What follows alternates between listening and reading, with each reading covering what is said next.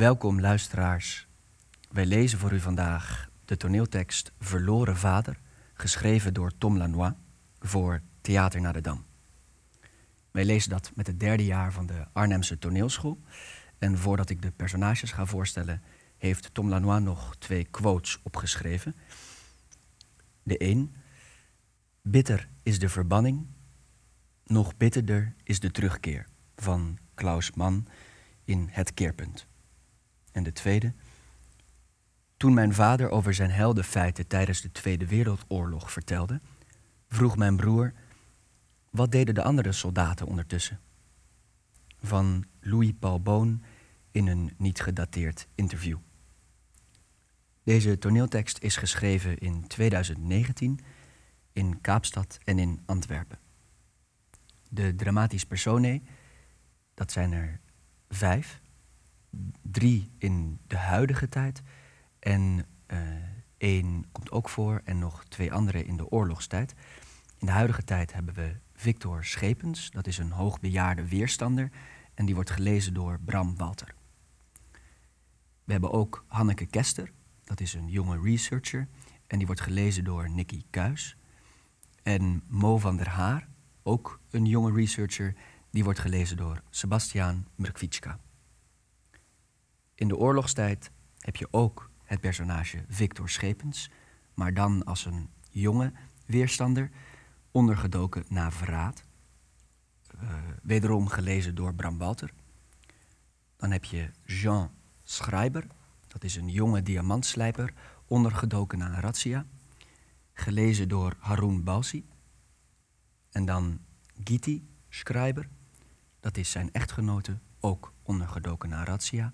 Gelezen door Ilse Geile. Daarnaast is de Gerausmacher Tijn Panis. En de regieaanwijzingen worden voorgelezen door mij, Romein Scholte. Het toneelstuk bestaat uit twee locaties en drie tijdstippen. De ene tijdstip is in het heden, in de locatie van een barokke vergaderzaal in het stadhuis van een grote havenstad, een paar uur voor het slot van een feestweekend ter herdenking van de Tweede Wereldoorlog bevrijding. Tweede tijdstip en locatie is in het verleden. En dat speelt zich af in de benauwde woonruimte van een onderduikadres tijdens de Tweede Wereldoorlog. Het derde tijdstip speelt zich weer af op de eerste locatie. Het is weer in het heden en het is opnieuw in de barokke vergaderzaal, nu vlak voor het slot van het feestweekend. Eerste bedrijf. In de vergaderzaal, heden. De jonge aspirant-journalisten zitten aan één kant van een lange vergadertafel, een antiek pronkstuk. Het plafond heeft eiken balken en vergulde ornamenten. De muren zijn versierd met schools aandoende historische taferelen die spreken van strijd en rijkdom, vanaf de middeleeuwen tot diep in het koloniale tijdvak. Op het tafelblad, aan de kant van de journalisten, staan drie glazen, een karaf water en een kleine camera op een tafelstatief. Over de rug van een lege stoel hangt een regenjas. Op de achtergrond weer klinken flarde feestelijke fanfaremuziek.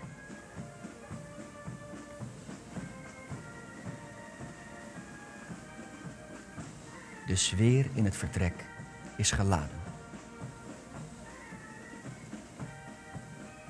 Ik kan het me echt niet herinneren, beste Hanneke. Wat nu weer niet? Het menselijk geheugen is al een zeef. Dat van jou is ook nog eens een moeras. Deze rolverdeling, wanneer hebben we die afgesproken? Ik weet bij God niet waar je het over hebt, beste Mo. Ik kreeg amper de kans om een vraag te stellen aan Schepens. En jij sprak niet met hem, je roosterde hem. Een held die de moffen heeft bevochten met gevaar voor eigen leven. En die op een ander continent een nieuw bestaan heeft opgebouwd en tienduizenden patiënten heeft gered. Waar is je respect, je erkentelijkheid, je opleiding? Emotie besmet, empathie vertekend, aversie ook. Als researcher moeten we daarboven staan. Zo niet is dit hele project bij voorbaat zinloos. Ik kan mij iets anders dan weer niet herinneren, Mo. Zo? En ik maar denken dat jouw memorie een Zwitsers mechaniekje was. Ik kan me niet herinneren dat we vooraf iets hadden uitgesloten als methodiek. Methodiek? Met azijn en bitsheid vang je weinig vliegen. Met geslijm en onderdanigheid vang je helemaal niets. En al zeker niet de waarheid. Ik wist niet dat we op jacht waren. Je begon zelf net over vliegen vangen. Was dat met honing of met stroop? Cynisme en ambitie kunnen een opdracht ondermijnen in plaats van ze te stutten. Ik kreeg hetzelfde persdossiertje als jij. Wat hebben die paar pagina's echt te melden over Victor Schepens, verzetskruis 4045? Feiten op zich betekenen geen lore. Ze vormen soms een beter rookgordijn dan verzinsels. Wat is jouw ideaal dan?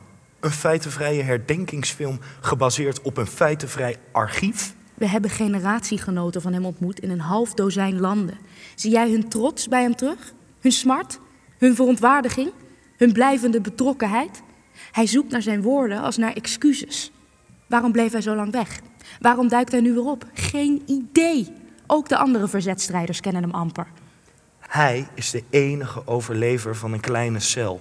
Al zijn makkers zijn gefusilleerd of spoorloos verdwenen. Er ligt hier een berg verdriet die man op te wachten. En dan krijgt hij jou voor zijn kiezen. Zo'n stuurse krotenkoker maakt me achterdochtig.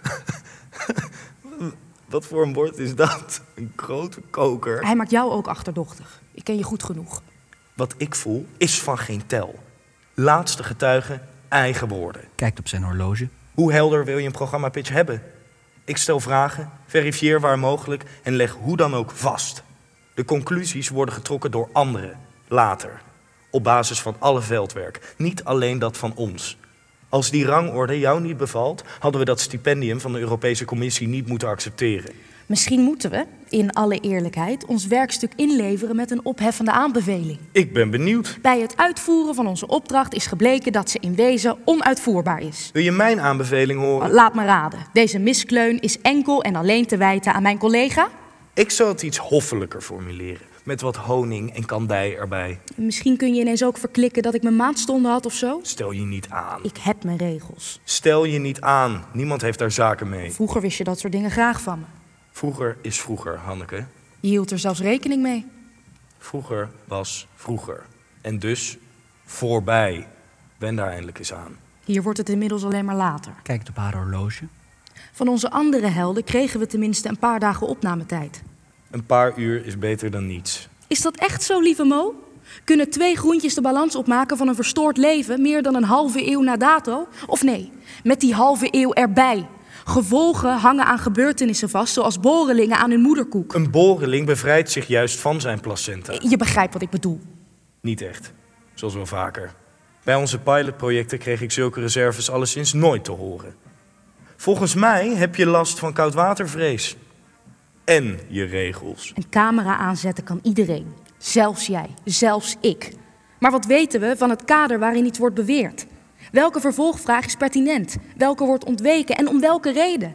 Het grootste zelfbedrog is dat je niet eens weet dat je iets niet weet. Bullshit. Kijkt weer op zijn horloge. Als wij die schaarse overlevenden nu niet aan het woord laten, verdwijnt hun verhaal mee het graf in. En wat niet in de bronnen terechtkomt, had net zo goed niet kunnen bestaan.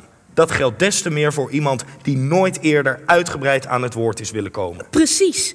Des te gemakkelijker kan die krotenkoker hier en nu bezwadderen wie of wat hij wil, zonder weerwoord. In het slechtste geval laten we ons misbruiken voor geschiedvervalsing of persoonlijke afrekeningen. In het beste geval maken we ons medeplichtig aan voorspelbare, sentimentele lulkoek. Herdenkingskitsch. De smeerolie van een wereldwijde commemoratie-industrie. Daar spelen jij en ik hier misschien in mee, lieve Mo. De Tweede Wereldoorlog als themapark. Het verzet als variété. De holocaust als musical. Dat zijn heel veel holle woorden op een hoop. Ik heb weinig zin om in zo'n circus mee te draaien. Heb dan de eerlijkheid om je boeltje te pakken en op te stappen. Mooi op tijd voor de parade van vintage tanks en oldtimer jeeps. Nog gezwegen van het afsluitende vuurwerk met receptie. Ik leg het meneer Schepens wel uit als hij terugkomt van de wc. Kijkt op haar horloge. Ben je zeker dat hij terugkomt? Hij heeft trouwens een eeuwigheid over gedaan om... eh, pas op, daar is hij. Ze zwijgen en wachten met verkrampte glimlach en een rechte rug. Allebei kijkend naar Côté Cour. Flarden verwaaide fanfaremuziek dringen door van buitenaf, samen met een korte reeks feestelijke kanonschoten. Sorry. Loos zo lang. Ik hoop niet dat hij op die wc-pot een beroerte heeft gekregen. Dat zou pas een tragisch einde zijn voor iemand met zo'n persmap. Dat klinkt verdorie alsof je erop hoopt. Doe niet zo lullig. Wat doen we als hij niet meer op wil dagen? Dat is de vraag. Côté Jardin. Victor Schepens op. Verward om zich heen kijkend, aarzelend. Hij komt langzaam en onzeker naderbij, niet opgemerkt door de researchers. Op zijn leeftijd steek je geen oceaan over om je verhaal niet te doen. Officieel is hij uitgenodigd voor de afsluitende speech. Jij en ik zijn bijzaak. Te elfder uren erbij geritseld. Voor een bijzaak wijs je niet al je andere protocolaire verplichtingen af. Mo, die man is opgegroeid in de jaren 30. Allicht heeft hij een hekel aan optochten, marsmuziek en toespraken voor grote menigtes. Je mag hier niet roken. Misschien heeft hij helemaal de plaat gepoetst. Officiële speech of geen. Hij heeft zelf aangedrongen op dit gesprek. Jij onderschat hoeveel moeite dat toch kan kosten. Jetlag, vermoeidheid, de leeftijd, de confrontatie met je geboorteland na zoveel jaar, de schok van de herkenning en de vervreemding, de stortvloed aan herinneringen, al die emoties tegelijkertijd. Je vergeet er dan nog één. Wat nu weer? Zag je niet zoals hij naar me keek? Van top tot teen? Je niet aan. Ik was blij dat ik niet in mijn eentje naast hem moest zitten. Als een oude man jou een onhandig complimentje geeft, ben je verontwaardigd. Geeft hij er geen, ben je verbolgen en wantrouwig. Zo emotioneel stabiel ben je blijkbaar zelf ook niet. Naar jou keek hij nog enger. Wil je niet weten hoe eng? Ik laat me door jou niet op de kast jagen. Victor Schepens strekt zijn hand naar hen uit. Met geopende mond alsof hij iets gaat zeggen. Geen van beiden merkt hem op. Hij staarde alsof hij in gedachten jouw schedel al zat op te meten. En nog een paar andere dingen ook. Wijst op haar neus. Als je niet beter wist, zou je denken dat hij aan de verkeerde kant heeft gestaan. Oh, dit is toch geen overdrijven meer. Jij zegt om het even wat om mij te stangen. Jij hebt geen hekel aan hem. Dit gaat om mij. Rustig, Mootje. Niet alles draait om jou. Misschien moeten jij en ik ermee stoppen. Het was van eerst af een slecht idee om dit met z'n tweeën te willen doen. Samen uit, samen thuis. Ik had moeten voorzien dat jij nog niet in staat zou zijn om je gekwetste ego te scheiden van je werk. Ben jij wel zo objectief en boven alles verheven? Ik herkende jou amper, zo soft als jij je gedroeg tegenover die oude knakker. Je mag hier niet roken. Jij wilt te goed je best doen, oog in oog met een patriarchale figuur die jij, om god weet welke reden, bij voorbaat klakkeloos bewondert. Bij een vrouw had je een heel andere toon aangeslagen. Betuttelend, sceptisch, overdreven, minzaam. Besef je dat eigenlijk wel, Mo? Ik laat me niet opnaaien. Hoe komt dat eigenlijk zo, beste Mo? Probeer maar, lukt niet. Heb je dat meegekregen van je moederskant?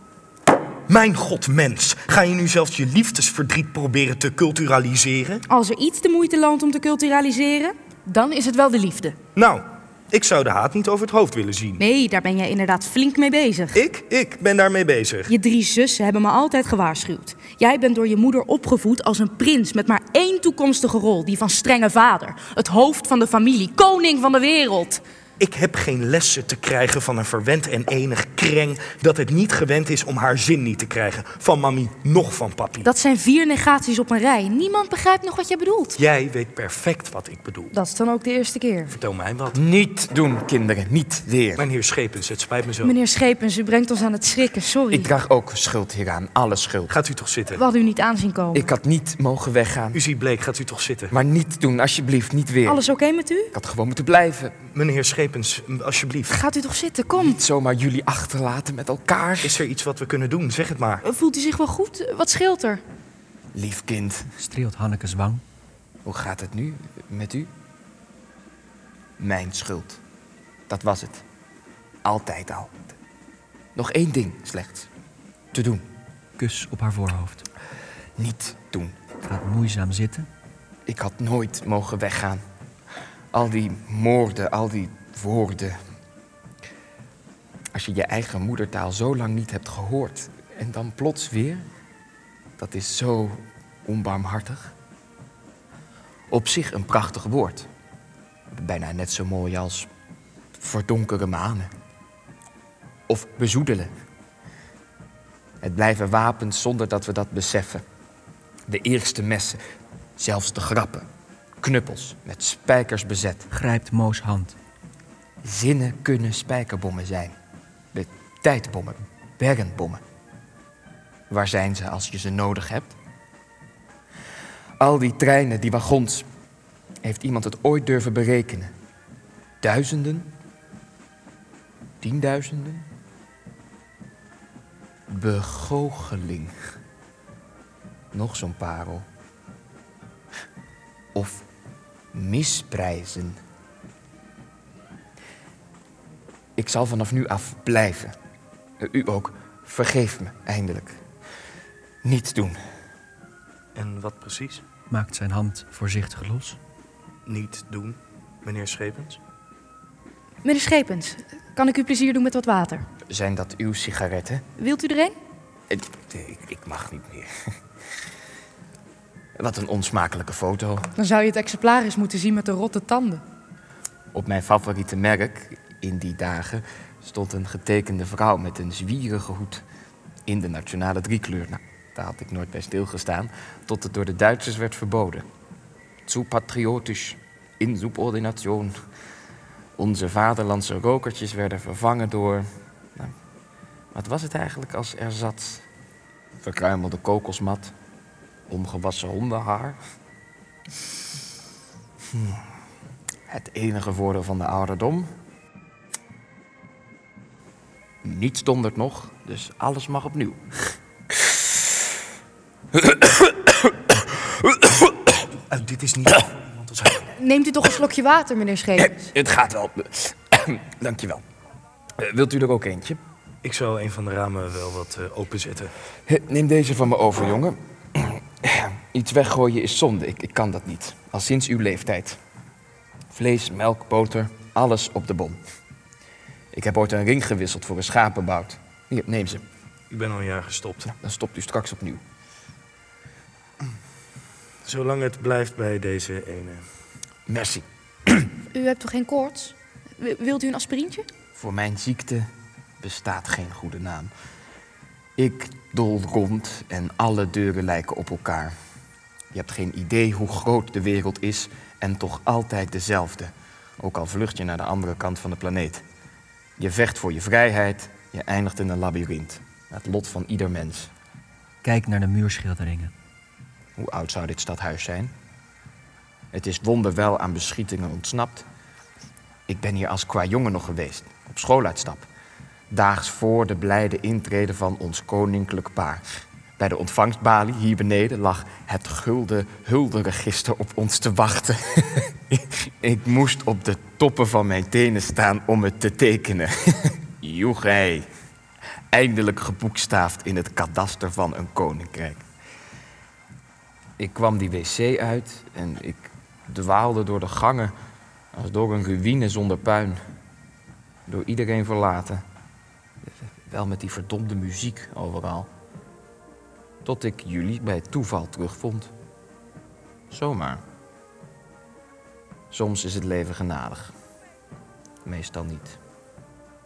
Vindt u het goed, meneer Schepens, als ik de camera opnieuw laat lopen? Waarom? U vertelt mooie dingen. Heb ik daar net al iets van belang verteld? U vertoont een zekere terughoudendheid. Die is gangbaar bij alle getuigen, gezien het gewicht van hun herinnering.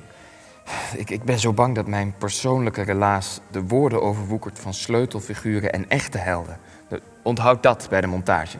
Gebruik desnoods niets van wat ik zeg. Is dat echt de enige reden waarom u zich nooit eerder grondig liet interviewen? Ook niet over uw levenswerk na de oorlog? Als u wil, meneer Schepens, mag u ineens helemaal stoppen, hoor. Hé, hey, Hanneke, we hebben nog wel even de tijd voor meneer Schepens het podium op moet. Het podium. Uw toespraak. U zei dat u ze klaar hebt zitten in uw binnenzak. Oh, dat. Ja, ja, natuurlijk. Eh, hoe was de naam ook weer? Sorry hoor. Van der Haar. Uw, uw voornaam bedoel ik. Mo, van Mohammed. Mooie naam. Waarom kort u hem af? Dat vroeg u net ook al. Toch niet uit schaamte? Dat vroeg u net ook. Eh, en uiteraard niet, nee. Het is gewoon wat hipper en gemakkelijker en zo. Niet waar, Mohammed? Gebeurtenissen vastleggen, beste Mo. Het blijft een illusie. Je schept iets anders dat met de tijd hun plaats inneemt. Een film, fotoboek, een monoloog. Zoals een afgodsbeeld de plaats inneemt van God. Eh, Bent u een gelovig man? Ik geloof in de kracht van de getuigenis. In die zin ben ik religieus. Elk geloof bezit een heilig boek vol belijdenissen en oproepen tot waakzaamheid. Waarom zou dat anders moeten zijn met de nagedachtenis aan grote conflicten en massamoorden? Zo, uw opperwezen is de georganiseerde massamoord. Geldt dat ook voor u? Ik begrijp voor één keertje wel wat Mo bedoelt. Maar ik begrijp u ook. Wilt u eigenlijk wel dat wij u filmen? Of is luisteren al voldoende? Er zijn volkeren, die wij primitief noemen, en die beweren dat bij elke foto een stuk van je ziel wordt gestolen. Zo voel ik me vaak nu al. Leeggeroofd tot op het bot. En ik bezit al zo weinig. U bent juist wel gesteld. Uw behandeltechniek voor cerebrale doofheid is een wereldwijd succes. U investeerde in medicijnen tegen diverse spraakstoornissen, zoals. eh, even kijken.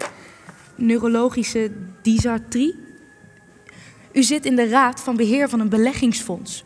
Uw fortuin wordt door Forbes Magazine geschat op vele tientallen miljoenen. En dat is volgens u de definitie van rijk of arm? Ik wil ze gerust ook eens voorleggen in de sloppenwijken van Mumbai of Nairobi. Touché. U bent pinter en gevat. En bijzonder knap, als u me toestaat het te zeggen. Geeft haar een handkus. Is dat een ja? Mogen we opnieuw draaien? We zien wel wat het geeft. Mo start de camera, gericht alleen op Schepens. Opnieuw welkom. Meneer Schepens. Tijdens ons voorgesprek, daarnet, hadden we het over de speech waarmee u als eregast de bevrijdingsfeesten hier zult afsluiten. Kunt u een tipje van de sluier lichten? De kern van uw betoog, uw boodschap aan de jonge generatie. Zult u het bijvoorbeeld ook hebben over uw oorlogsburgemeester? M- mijn oorlogsburgemeester. Na jaren van geruchten is pas onlangs zijn directe medeplichtigheid aan de bloedigste razzia's in ons land wetenschappelijk bewezen. Kan men zoiets wetenschappelijk bewijzen? Eh, zo- Zoals het bestaan van zwarte gaten. Als er genoeg bronnen zijn, zeer zeker. Hij was persoonlijk betrokken bij de planning en de uitvoering van twee razzia's. Wat vindt u daar zelf van? En waarom vraagt u dat aan mij? U bent gehuldigd en gedecoreerd als weerstander. Ook een prachtig woord. U had met uw prestige kunnen aandringen op meer spoed, meer durf. Dit was niet onze onderlinge afspraak, meneer Schepens, het spijt me. Eh, dat maakt allemaal niet uit, eh, kind. U zei het zelf, Hanneke. Respect mag pertinente vragen niet verhinderen. Toch niet zo bot, man. Dat zit in mijn cultuur. Aan vaderskant. Eh, lief kind. Hoe was de naam ook alweer? Hanneke, Kester. Oh, laat hem, Hanneke. Laat maar. Hoe kijkt u op die kerel terug? Met haat, met afschuw? Ik heb voor hem en zijn partij gestemd. De eerste stem in mijn leven en meteen mijn laatste. Hoe kijkt u daarop terug? Een van de twee grootste stommiteiten in mijn bestaan. Had u liever niet voor hem gestemd? Wat denkt u zelf, Mo? Ik denk dat u merkwaardig licht over de feiten heen gaat voor een verdet van het verzet. Mo, kom op zeg. Mijn stem heeft geen verschil gemaakt. Hij kreeg er tonnen anderen. En na de oorlog opnieuw. Bent u om hem bij de ondergrondse gegaan? Ook die stap heeft helaas nooit veel verschil gemaakt. Voelt u zich medeverantwoordelijk? Heel de tijd. En voor heel veel. Maar u hebt vast iets specifiekers voor ogen. Leest af van zijn laptop. Om de nazi's ter wille te zijn liet hij, als hoofd van de lokale politie, in de zomer van 42 honderden Joodse gezinnen s'nachts hun huis uitranselen. Synagogen werden vernield, Torah-rollen verscheurd, zelfs moeders met borenlingen weggevoerd, onwilligen op straat doodgetrapt. Later noemde hij deze maatregel de politiek van het minste kwaad. Wat vindt u daarvan? Politici zijn dichters die nog geen uitgeverij hebben gevonden. Het spijt me dat ik het even cru moet zeggen, maar vaderlanders als u hebben die feiten niet verhinderd. Het is veel erger, Mo. Ik heb ze zien gebeuren met mijn eigen ogen. Er zijn vormen van machteloosheid die je niemand toewenst, zelfs je ergste vijand niet. Hebt u dan nog vijanden? Als ik lang in de spiegel kijk, of kort, Waarom hebt u zo lang gezwegen? niemand vroeg wat. Iedereen wist het. Iedereen? Iedereen die het wilde weten. Hebt u hem ooit persoonlijk ontmoet? Niet onder vier ogen. Hoe vaak? En welke anderen waren erbij? Mo, ik zie echt de relevantie niet in. Ik schudde hem in deze zaal de hand.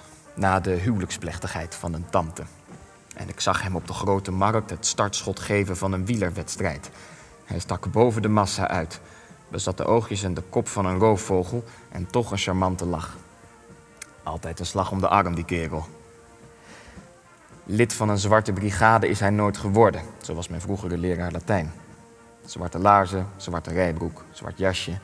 Alle insignes erop en eraan. Zo stond dat lulletje rozenwater opeens voor zijn klas, direct na de blitzkrieg. Hij is mogen sterven van de ouderdom, in vereniging, een stadje in Zuid-Afrika. Zijn levensdoel was het vertalen van Virgilius, heel die Aeneas. Ik heb hem en zijn makkers nog zien patrouilleren aan het Centraal Station, hier wat verder. Ze dwongen voorbijgangers die er joods uitzagen om hun broek uit te trekken in naam van het Arische ras en een zuiver Europese beschaving. En wie besneden was, werd beschimpt, bij weerwerk in elkaar getimmerd. Had u de kans gekregen, had u hem dan neergeschoten? Mijn leraar Latijn, Uw oorlogsburgemeester. is dat wat u verwacht van een ondergrondse? Blindelings kopstukken afschieten zonder rekening te houden met vergeldingsacties. Zou u hem hebben neergeschoten als u zeker wist dat er geen vergeldingsacties kwamen? Zou u dat kunnen? Zou u het doen? Ik zou het overwegen. Overwegen is het voorrecht van de onmachtige. Zijn er ooit plannen uitgestippeld om het te doen? Kort na de eerste razzia werd ik verraden en ben ik ondergedoken. Het waren mijn vrienden die zijn gemarteld en terechtgesteld, niet hij. U hebt, met andere woorden, en sorry dat ik het zo verwoord, niet zo heel veel gedaan. Dat probeer ik jullie al de hele tijd uit te leggen. U was betrokken bij het nachtelijk verspreiden van zogenaamde vluchtschriften, Prachtig woord, niet? het stelen van rantsoenbonnen, twee sabotagedaden op het spoornet met beperkte materiële schade, lid van een netwerk dat één neergeschoten Engelse piloot het land uithielp, lid van een groep die één lage officier van de militairverwaltung verwonde bij een aanslag, Stond op de uitkijk, die man was een bloedhond. ondergedoken naar verklikking, opgepakt bij een routinecontrole, ontsnapt bij transport naar een doorgangskamp. Meer valt er niet van te maken. Het is niet niets. Maar vindt u het achteraf bekeken voldoende? Het was meer dan wat de meesten presteerden. Veel meer, meneer Schepens.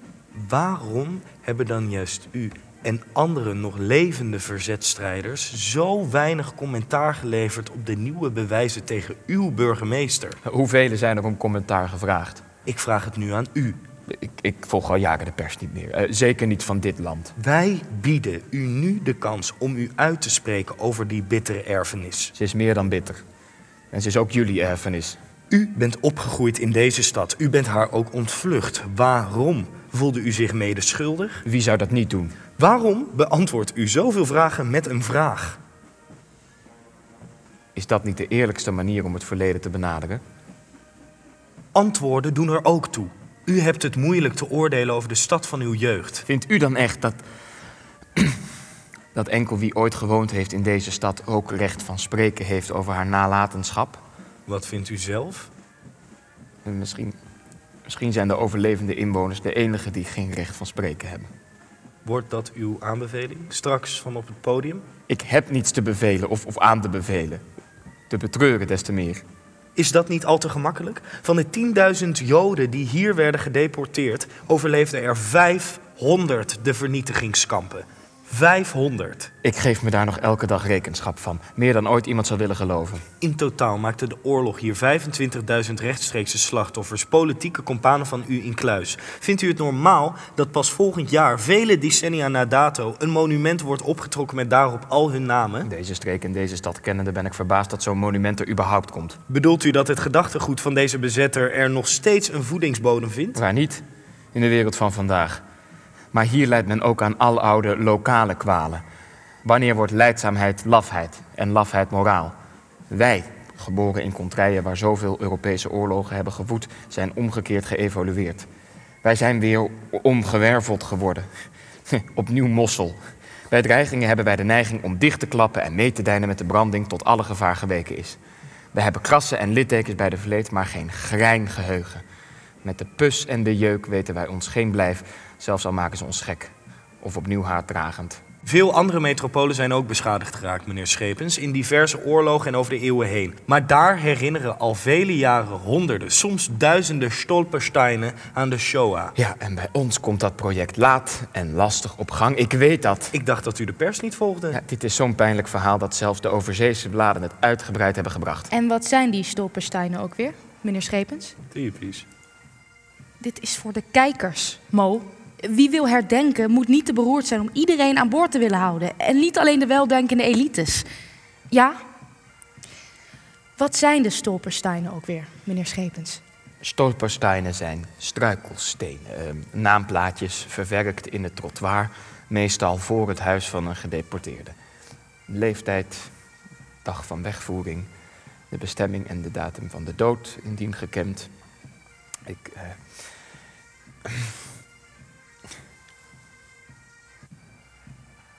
Excuseer. Wilt u een korte pauze, meneer Schepens? Doen, niet stoppen. Meneer Schepens? Even stoppen. Schepens kijkt rechtstreeks in de camera.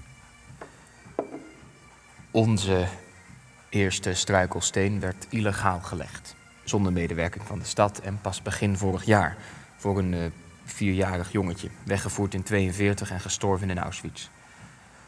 Grote delen van de Joodse gemeenschap waren tegen de Stolpersteinen. Ze vonden het oneerbiedig om slachtoffers met je schoenzolen te bevuilen. Honden konden er een gevoeg op doen. Eén groep was tegen omdat het onmogelijk zou zijn om iedere slachtoffer zijn eigen steen te geven. Eh, Sommige van onze trottoirs hadden dan geheel uit stolpersteinen moeten bestaan. Kijk, meisje, een enkeling sneerde dat het alleen maar ging om een centenkwestie. Verschillende Joodse organisaties betwisten elkaar het octrooirecht. Liever helemaal niets dan elkaar wat duiten in de buidel te gunnen. Vindt u dat niet wat antisemitisch klinken? Ik vind dat tragisch klinken en menselijk, als dat niet hetzelfde is. Hoe is het met die steen afgelopen? Waar heb je het nou weer over? Eh, wat wilt u weten, kind? Eh, Hanneke was het? Ja? Hanneke, ja. Die illegale, voor dat jongetje. Wat is er met die steen gebeurd? Het stadsbestuur heeft die laten zitten. Ja, verwijderen zou ongevoelig zijn geweest. En sindsdien duiken er naar het schijnt nog op, mondjesmaat. Met officiële toestemming? Zegt uw diepgravende research er iets over? Uw geboortestad is ook een van de belangrijkste havens ter wereld. Het grootste aanlegdok is getijdenvrij. De beide kadermuren zijn meer dan twee kilometer lang en uitgerust met mammoetheftrucks. Sinds de ingebruikname, begin jaren 80, droeg het de naam van uw oorlogsburgemeester. Nu, na de onthullingen en de controverse, is die benaming geschrapt. Wat vindt u daarvan? Ik wist van die naam niets af. U weet het nu. Wat vindt u ervan? Het verwondert me niets Van die naam? van die naam. Kent u de nieuwe? Geen idee. Bevrijdingsdok.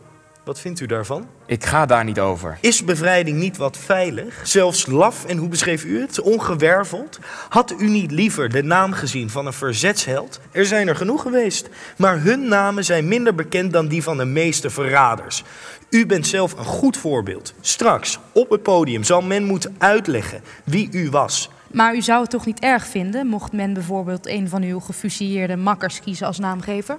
Of een lotgenoot van u die nog leeft en die het dok eigenhandig kan inhuldigen. Hij zou dat dok een echt gezicht verschaffen, een eerbewijs aan het interne weerwerk dat meegeleid heeft tot de bevrijding van buitenaf. Zou u zelf in aanmerking willen komen? Wie? Ik? U bent zich ook na de oorlog blijven inzetten voor uw medemens. U hebt duizenden levens gered. En in de stad waar u nu woont, is al een vleugel van de universiteit naar u vernoemd. Dat is uit dankbaarheid voor mijn donaties, niet mijn goed karakter. Zou u het in overweging nemen? Ik zag nog liever de naam bewaard van die schoft. Hoezo? Als eerbewijs? Als schandvlek. Zo werkt dat toch niet? Mo, rustig. Geen mens mag ooit de naam vergeten van die doortrapte huigelaar en waaraan hij heeft meegewerkt en hoe hij daarmee weggekomen is. Dat zwijn is mogen sterven in zijn bed, omringd door familie en vrienden, eh, geëerd en gepardonneerd door het gepeupel dat hem heeft gekozen, voor en na, opnieuw en opnieuw en opnieuw. Precies, zo iemand geef je toch geen ereplaats? Vernoem elke straat naar hem, ieder plein, iedere brug, iedere godverdomde wijk, alles. En ineens in heel deze klote stad erbij, ze verdient niet beter. Dat kunt u toch niet mee? Hou op! Allebei! Meneer Schepens, het spijt ons. We lieten ons meeslepen. Dit is echt onvergeeflijk.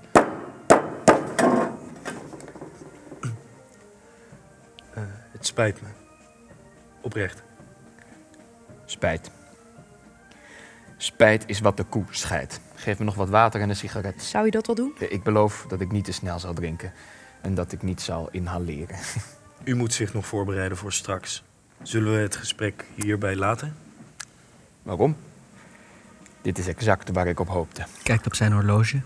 Hebt u nog vragen voor me, lief kind? Eh, Hanneke was het toch? Hanneke, jawel. Eh, Wilt u nog wat van mij weten? We vragen aan al onze getuigen of de oorlog ook een weerslag heeft gehad op, zeg maar, hun persoonlijke leven. U bent altijd vrijgezel gebleven.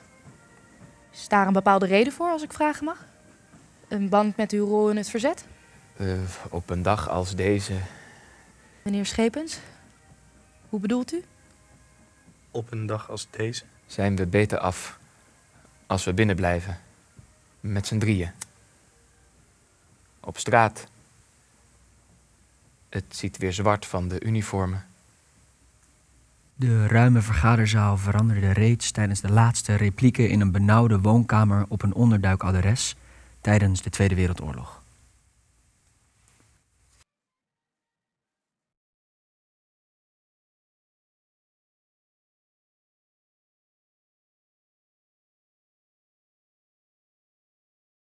Tweede bedrijf. In de onderduik. Verleden. Op de achtergrond weerklinken militaire marsmuziek, gezangen en geschreeuw als van een versterkte toespraak.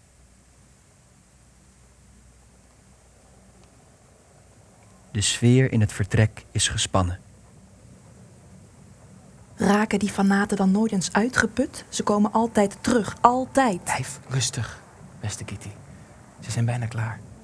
Al dat zingen, dat getrommel, ik kan dit niet meer aan. Er moet iets gebeuren. We gaan ze toch niet de voldoening geven tevoorschijn te komen? Alsof we mollen zijn? Door het gedreun van boekenklompen verjaagd uit veilige gangen? Veilig ben je nergens. De eerste keer kwamen ze in stoet vanaf het station. Slordig marcherend. Opgehitst door drank en propaganda. Gewapend met koevoeten en knuppels. En ook toen al aan weerskanten omgeven door dienders. Als voor de viering van een voetbaloverwinning. Een uur later lagen alle vitrines, alle vensters aan scherven. Overal bloed, overal plundering. Rakel het niet weer op. Ik wil het net vergeten. Vergeten is het enige medicijn. Blijf ik liever ziek. We hadden naar New York moeten verhuizen toen het nog kon. We hadden moeten beseffen dat niemand hier te vertrouwen valt. Ik herken dit kabaal ook, Jean. Ik heb die ravage ook moeten aanzien. Ik ben er ook nog altijd kapot van. Zag jij ooit je eigen vluchtende schoonmoeder op straat onderuitgeschopt worden door een agent? Die een week later fluitend het verkeer stond te regelen, alsof er niets gebeurd was. Zag jij hoe een zuigeling van tien weken, het zoontje van je beste vriend, letterlijk werd gearresteerd? Het werd naar een overvalwagen gebracht, terwijl zijn ouders uit hun mond en oren lagen te bloeden tegen de gevel van hun eigen huis. Laat Victor met rust, Charles. Wat kan hij eraan veranderen? Zag jij hoe de piano van de oude Kleinblad te pletten viel? Uit zijn vrijgezelle flat, vier hoog. Het lijk daarachter aangesmeten. Stakker had zichzelf door het hoofd geschoten. Met de revolver die hij zich uit de voorzorg had aangeschaft. Welke voorzorg hebben wij? Een bot broodmes. Niet eens een fatsoenlijke schaar. Waarom heb jij geen bagnonet meegebracht, Victor? In plaats van alleen maar sardines en, en sigaretten. Charles, wat heb jij vanavond? Ik word nog gek van jou. Sst! Blijf toch rustig, allebei. Waarom hebben ze jou helemaal geen wapen ge- meegegeven? Ben je dan zo onbelangrijk? Waarom duik je dan eigenlijk onder? De weinige wapens die wij bezitten zijn nodig buiten. Veel heeft het anders niet opgebracht. Al dat gewapende weerwerk van jou en je kameraden. Charles, alsjeblieft, stop nu eens eindelijk. Zou het? Goddank. Zij houden er tenminste wel mee op. Beste Jean, ik heb ook veel verloren en opgegeven. Bijna al mijn vrienden, een deel van mijn familie. Kitty is haar hele familie kwijt. Ik ook. Onze rabbijn, onze buren, bakker, kleermaker, hun gezinnen. Zijn ze alleen maar weggevoerd? De waarden en tradities van dit continent indachtig weet ik beter. Zijn allemaal weggevaagd. Allemaal. Kun jij dat zeggen? Wat is dit? Een wedstrijd in ellende? Is jouw pijn per definitie dieper dan die van mij? Jij hebt een keuze, Victor. Wij niet. Ik heb mijn keuze gemaakt. Ik sta hier, aan jullie kant. Zou jij dat hebben gedaan als je in mijn schoenen stond? Jouw schoenen. Weet je zeker dat het andere deel van jouw familie niet buiten mee stond te schreeuwen en te marcheren daarnet? Het zou me niet eens verwonderen. En daarom ben ik hier. Ik vecht terug met jullie. Tot er herstel komt. Het genoegdoening, gerechtigheid, gegronde straffen. Prachtige woorden. Genoegdoening, gegronde straf. Maar als die meute binnenvalt, dan heb jij door je geboorte en een waterkans op overleven. Wij niet eens. Zullen we dat even navragen bij de weduwe van mijn beste vriend? Dat we het haar nog kunnen vragen, zegt genoeg. Roep al eens wat minder, dan trekken we alle drie ook heel wat minder aandacht. Ik ben dit zo zat allemaal. Rustig. Zo zat. Oké, oké. Het spijt me. Maar de geur van sigaretten helpt even min, hoor. Mij kalmeert die geur. Kalmeert die wijn jou ook? Net stond je te kokhalzen. Als jij zo verder doet, kots ik alles onder. Lieve Kitty, beste Jean, laten we onze spanningen niet uitwerken op elkaar. Dat is net wat ze willen. Oké dan.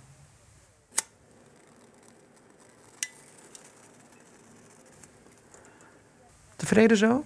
Nou, gezellig paffen met z'n allen.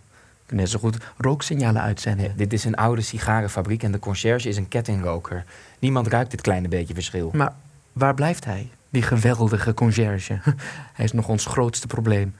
Een zwarthandelaar komt alleen beloftes aan zijn portefeuille na. Het is niet de eerste keer dat hij een tijdje niet van zich laat horen. Nog nooit zo lang, Victor. De melk is op, het brood, de gepekelde vis, alles. Hij is wat stug in de omgang, maar problemen heeft hij ons nooit gegeven. Wat als die oude ritselaar nooit meer opdaagt? Hoe lang houden we dat vol? Ik ben bang dat hij wordt opgepakt bij zijn gescharrel en ons gebruikt als pasmunt om weer vrij te komen. Als hij ons verklikt had, dan waren we nu al opgepakt. En waarom zou hij zijn belangrijkste broodwinning zelf opdoeken?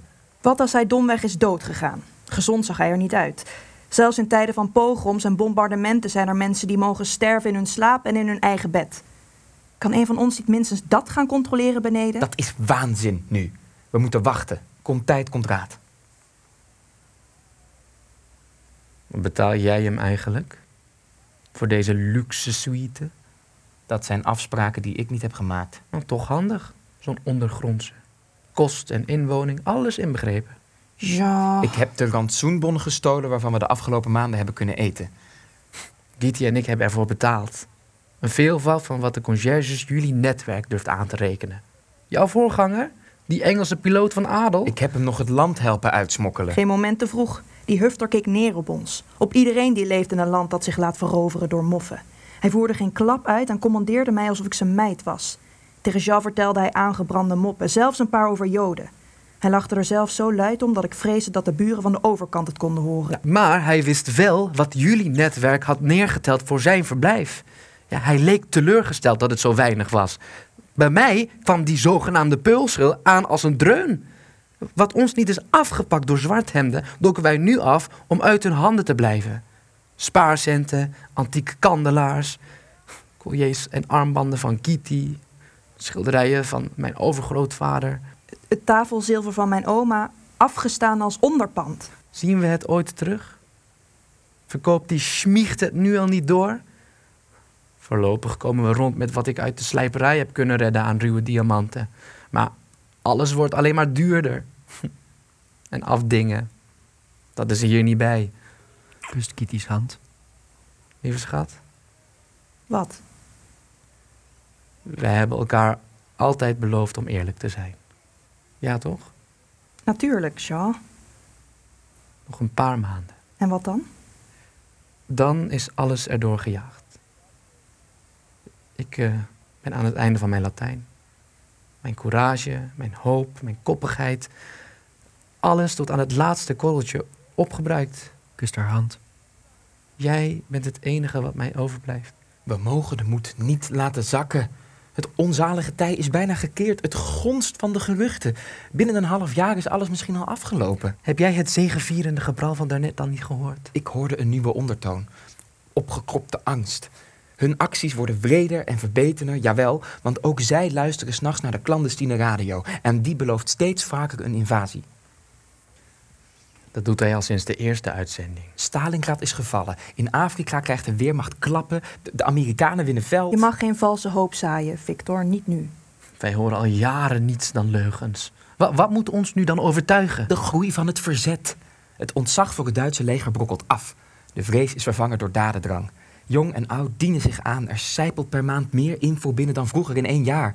Rijkswachters en agenten nemen zelf contact op. Sommigen bezorgen ons geweren en, munitie. En, en, en een burgemeester? Wat is er van hem? Is die ook zijn kar aan het keren? Niet de moffen, maar een deel van zijn politie voerde de razzia's uit. Onmogelijk zonder zijn medeweten. Nee, zijn medewerking. Ik heb notabene voor die bil gestemd. Roostje, ik ook. Waarom schiet niemand van jullie hem neer? Ja, alles stilgestaan bij de represailles. Kan er nog iets ergers en bloedigers gebeuren dan wat hij al heeft aangericht? Zeer zeker wel. We zagen allebei wat dat reeds betekende. Wil jij een herhaling daarvan op je geweten? Dus blijft hij rondparaderen. Ongestraft, onaangetast. De bouw van het stadhuis. Als hij verdwijnt, staan er drie anderen klaar. Allemaal erger dan hij. Het monster wordt gekieteld en gekoesterd. Uit angst voor het nog grotere monster. Is dat de hoop die je Giti en mij te bieden hebt? Die man is nu geen prioriteit. Onze haven wel. Haar ligging na de invasie is ideaal. Diepe vaargeul en ver in het hinterland. De perfecte draaischijf voor wapens, troepen, proviand. Haar werking moet zo vlot en intact mogelijk worden overgedragen. De afrekening, de processen, die komen later. Ik ken dit land. Uitstel wordt afstel. Afstel vergetelheid. Uitgesloten. Niemand zou dat accepteren. Ga jij het hard maken, Victor? In je eentje? Wij tweeën. En iedereen zoals wij. Dus houd moed. En jij ook, Kitty. Geef niet op, niet nu, op de valreep. We komen hier samen door. Het eindspel is begonnen. Ik zal het geloven als ik het zie. En nu ben ik vooral doodmoe. Giti? Ik blijf nog even. Ik zit nog te veel onder de spanning. Victor? Vergeef me dat ik tegen je tekeer ging. Je bent oprecht. Je bedoelt het goed. En je behandelt ons beter dan die piloot deed. Ons allebei. Bedankt daarvoor. Vergeef me. Slaap wel.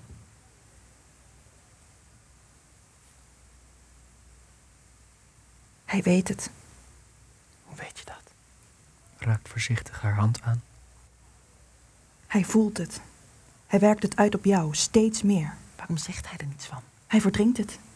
De arme schat kan het zich niet veroorloven om de waarheid onder ogen te zien. Niet hier, niet nu.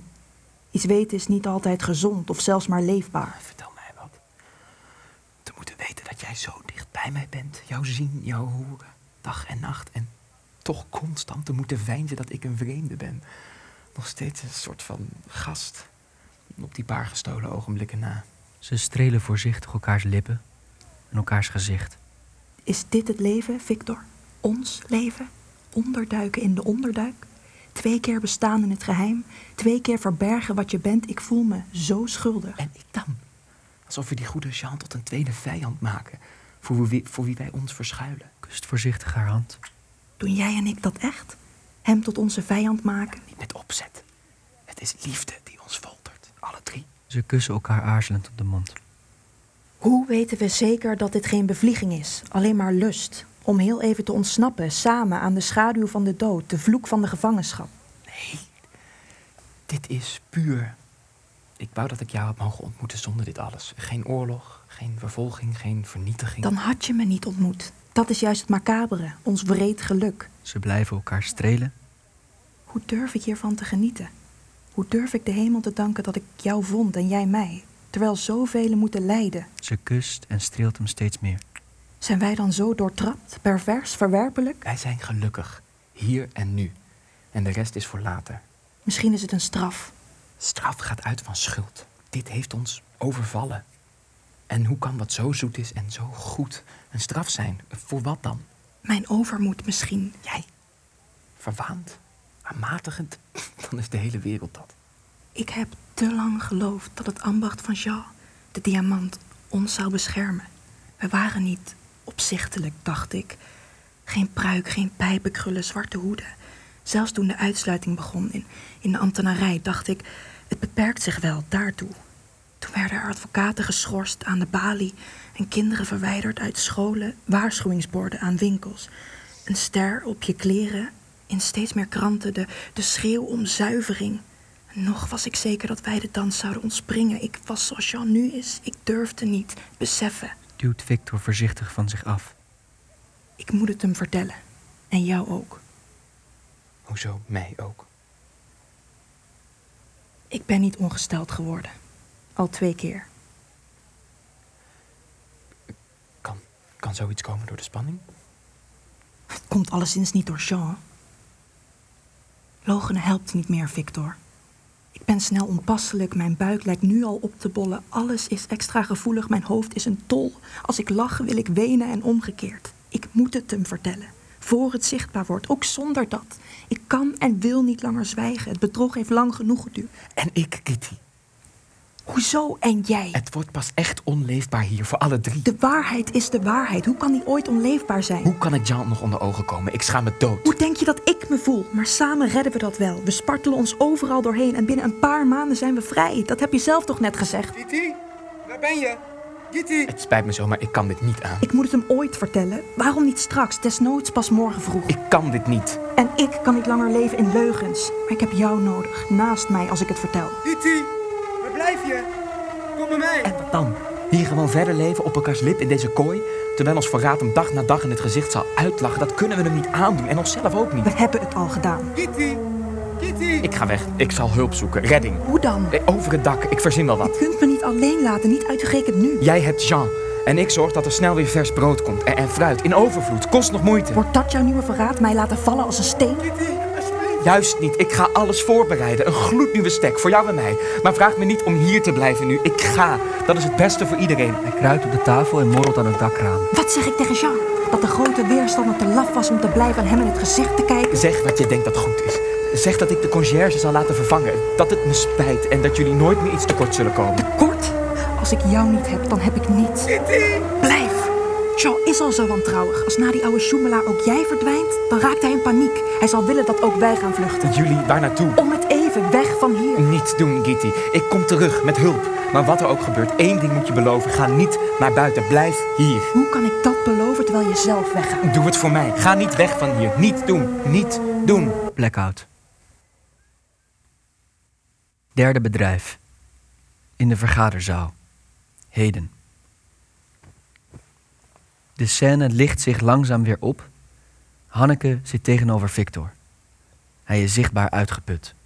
Mo is afwezig. De feestelijke fanfaremuziek is verdwenen. Meneer Schepens? Alles oké met u? Wilt u nog wat water? doe maar. Waar is die jongen? Eh, hoe heet die ook alweer? Mo is naar de ontvangstbalie gelopen. Om de brandweer te waarschuwen en ons te excuseren bij het feestcomité. De brandweer. U en ik hebben zoveel zitten paffen dat het rookalarm is afgegaan. Weet u dat niet meer? Al die herrie. U weet wel nog wat u ons verteld hebt? In het afgelopen uur? Eh, uiteraard. De, de grote lijnen, toch?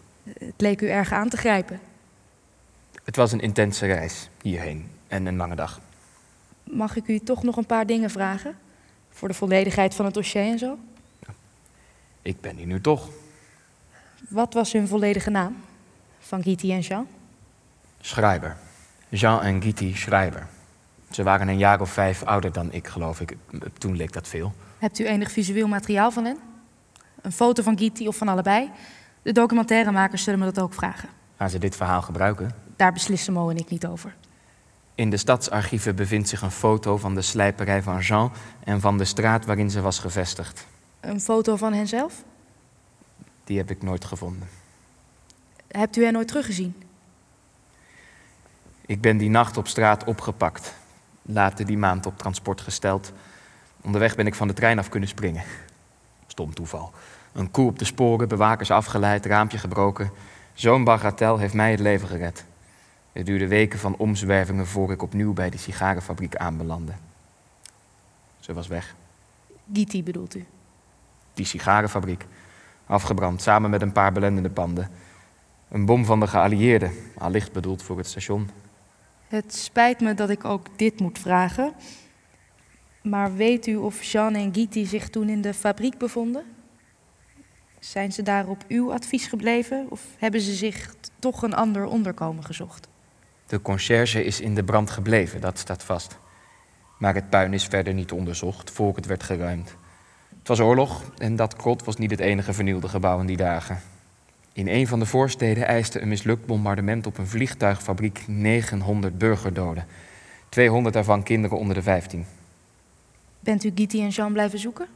Overal. Terwijl ik de bevrijding hielp voor te bereiden. Ik heb als een bezetene geschreeuwd en gevierd en gejankt toen die plaatsvond. Ik werd door iedereen geprezen voor mijn inzet. Niemand zag het. Niemand zag wat? Dat zwoegen ook maar een manier is om je wanhoop te verdoven. En na de bevrijding? Bent u blijven zoeken? Overal. Terwijl ik geneeskunde begon te studeren. Weer als een bezetene. Ik wilde mezelf genezen door anderen te helpen. Hielp het? Niet voor mezelf. Geneeskunde is een prachtig woord. Geneeskunst zou nog beter zijn. Maar niet alle letsels laten zich herstellen. Ik heb nochtans alle paardenmiddelen uitgeprobeerd. Verhuizen, ineens naar een ander continent. Een heel nieuw bestaan opbouwen, een andere taal aanleren, lesgeven, advies geven. Trouwen? Kinderen krijgen? Dat nooit. En er is nooit enige aanwijzing gevonden? Dat Giti en Jean die avond zijn gevlucht en opgepakt, net als u? Of dat ze verklikt zijn, voor de brand? Dat ze zijn omgekomen, in de brand? Hun bestaan kan toch niet zomaar verloren zijn gegaan? Niet dan tegenstrijdige geruchten, nooit één bewijs. Iemand beweerde dat ze alles hadden overleefd en waren verhuisd naar Argentinië. Het bleek te gaan om een bejaard koppel uit de hoofdstad. Wat denkt u dat er gebeurd is? Elke afloop is even gruwelijk. En de uitkomst blijft hetzelfde. De kern ervan heet schaamte. De schil ervan heet schuld. Nee, of omgekeerd. Ik ben niet altijd even helder tegenwoordig, maar dat hebt u vast wel opgemerkt. Waarom zou u zich schuldig voelen? Of zich schamen met uw staat van dienst? Ik vind dat tragisch en onnodig. Lief kind, ik heb mijn ene mede-onderduiker bedrogen en ik heb de andere in de steek gelaten toen die mij het meeste nodig had. Ik ben weggevlucht van lotgenoten die veel moeilijker konden vluchten dan ik, en toch heb ik de lofuitingen niet afgewezen die mij bestempelen tot held. Niettemin heeft deze held één reis nooit durven ondernemen. De enige reis die er toe deed. Welke reis? Deze? Opnieuw hierheen? Naar de vernietigingskampen in het oosten, waarvan ik denk en vrees dat Giti er beland moet zijn.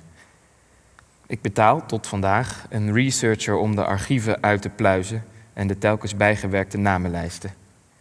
Ik hoop er vurig op en tegelijk ben ik er als de dood voor dat haar naam alsnog opduikt. Met de vermelding van een baby in haar gezelschap.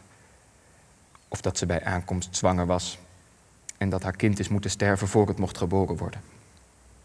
Ons kind. Vermalen door een regime dat vond dat het geen recht op leven had. Fuck. Uh, heb ik iets fouts gezegd? Het, het spijt me verschrikkelijk. Mijn oprechte excuses. Maar Mo heeft blijkbaar de camera afgezet vlak voordat hij naar de balie liep. Zo dom. Excuus. En wat ga je nu doen? M mij vragen om te herhalen wat ik zei? Oh, dat zou ik niet durven. Tenzij u. Laten we het hierbij houden. Het gaat nu al veel te veel over mij. Het gaat ook om de nagedachtenis van Giti. En Jean. Die nagedachtenis is er. Zolang ik leef. En er komt binnenkort zelfs een monument. Met alle namen erop. Eindelijk zullen ze weer verenigd zijn met hun vrienden, buren, familie. Dat zou hun veel plezier hebben gedaan. Terwijl ik niet weet of ze mijn ontboezemingen wel zo zouden appreciëren. Jammer voor ons project. Maar ik begrijp uw beslissing. Dank u. Kan ik u nog ergens mee iets van dienst zijn? Weet u zelf de weg terug te vinden naar de balie? Schud haar hand. U ook bedankt. Uh, maar er zijn onderweg vast genoeg grote methoden om me op te vangen. Het gaat u goed. Draait zich om. Oh, en uh, doe de groeten aan Mo. Keert zich toch weer om. Mag ik nog één ding zeggen als afscheid? Ik had het niet erg gevonden om een dochter te hebben die leek op u. Ze zou natuurlijk al veel ouder zijn dan u nu bent. Maar zo werkt dat niet.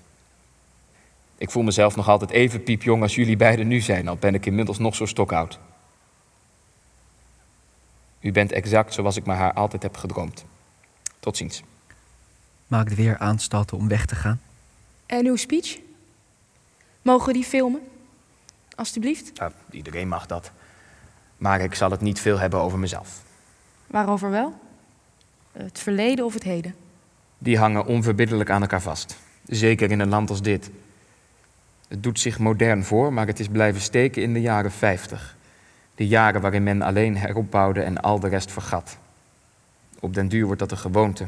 En gewoontes worden ziektebeelden. In vergelijking daarmee, wat is een puur persoonlijke tragedie van lang geleden waard? Waarom hebt u dan ingestemd met dit gesprek? Om uw hart te luchten? Dat ook. Maar vooral vanwege de flinterhoop die ik altijd koester. Overal. Welke hoop is dat? Dat de nieuwe generatie mij verbaast. En bij haar zoektocht naar mij een spoor vindt dat ik al heel mijn leven lang over het hoofd zie. Het spijt me. Nee, Ik had niets anders verwacht. Niet vanwege jullie, vanwege de werkelijkheid. Ze is morsig, mismaakt, onaf, ongrijpbaar. Ze is alles wat we niet willen dat ze is. Maar misschien is dat de essentie van herdenken. Ons gevecht met de onmogelijkheid ervan. En onze plicht om de schaarse overwinningen die we toch boeken te koesteren. Stapt moeizaam naar Cotécourt. Niet weten is verschrikkelijk, Hanneke. Niet weten is ons lot. Maar we moeten ons blijven verzetten. Er is al genoeg verloren gegaan. Bijna af. nog één laatste dingetje. Hebt u gisteren of vandaag ook de locatie van de sigarenfabriek bezocht? Dat stond op mijn agenda, ja. En? Hoe voelt dat aan? Ik weet het niet. Ik ben gaan wandelen in het park. Doek.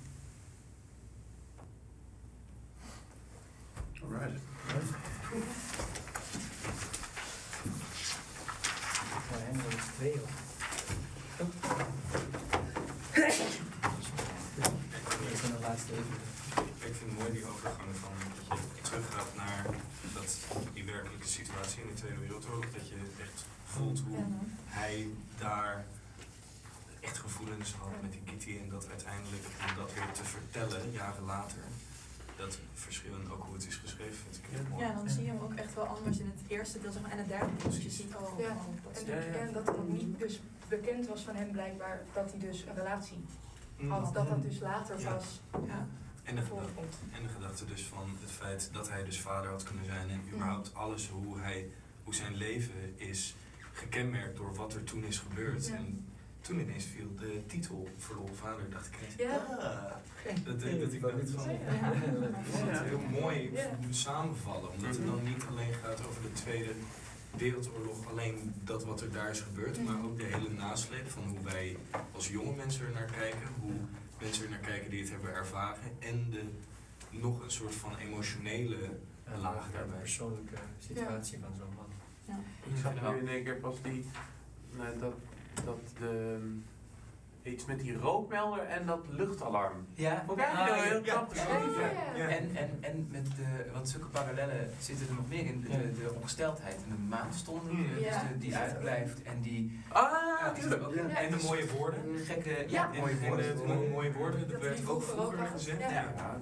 Ja, twee, en want die, die, die journalisten zijn een soort exen van elkaar, toch? Dat Ja. is die hebben Ja. en die- driehoek zitten Die is, ja. Ja, en ook over de, de documentatie van verzetsdaden. Wanneer je, wanneer je eigenlijk in die, in, in, als je teruggaat naar die flashback, dat je, daar lees ik heel erg een poging in om de niet gedocumenteerde verzetsdaad toch een plek te geven in de geschiedenis.